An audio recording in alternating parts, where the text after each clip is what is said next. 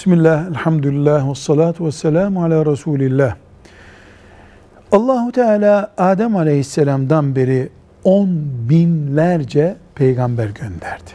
Bu on binlerce kelimesi bir abartı için değil, yaklaşık olarak bildiğimiz rakam var, 124 bin civarında bir peygamber geldiği biliniyor. Bunlardan 25 tanesinin adı Kur'an-ı Kerim'de var.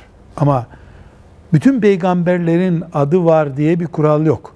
Kur'an-ı Kerim örnek olarak 25 tane peygamber e, büyüğümüzün adını zikretmiştir.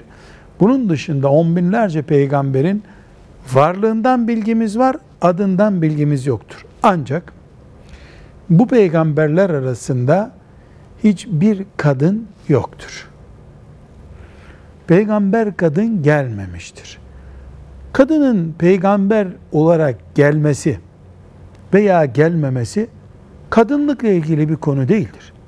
Erkeklerden geldi peygamberler de Ebu Cehil'in yararı oldu mu bundan? Kadınlardan peygamber olmadı diye Asiye, Meryem, Hadice zarar ettiler mi? Mesele erkeklerden veya kadınlardan gelmesi değildir. Ama Allah kadın peygamber göndermemiştir. Velhamdülillahi Rabbil Alemin.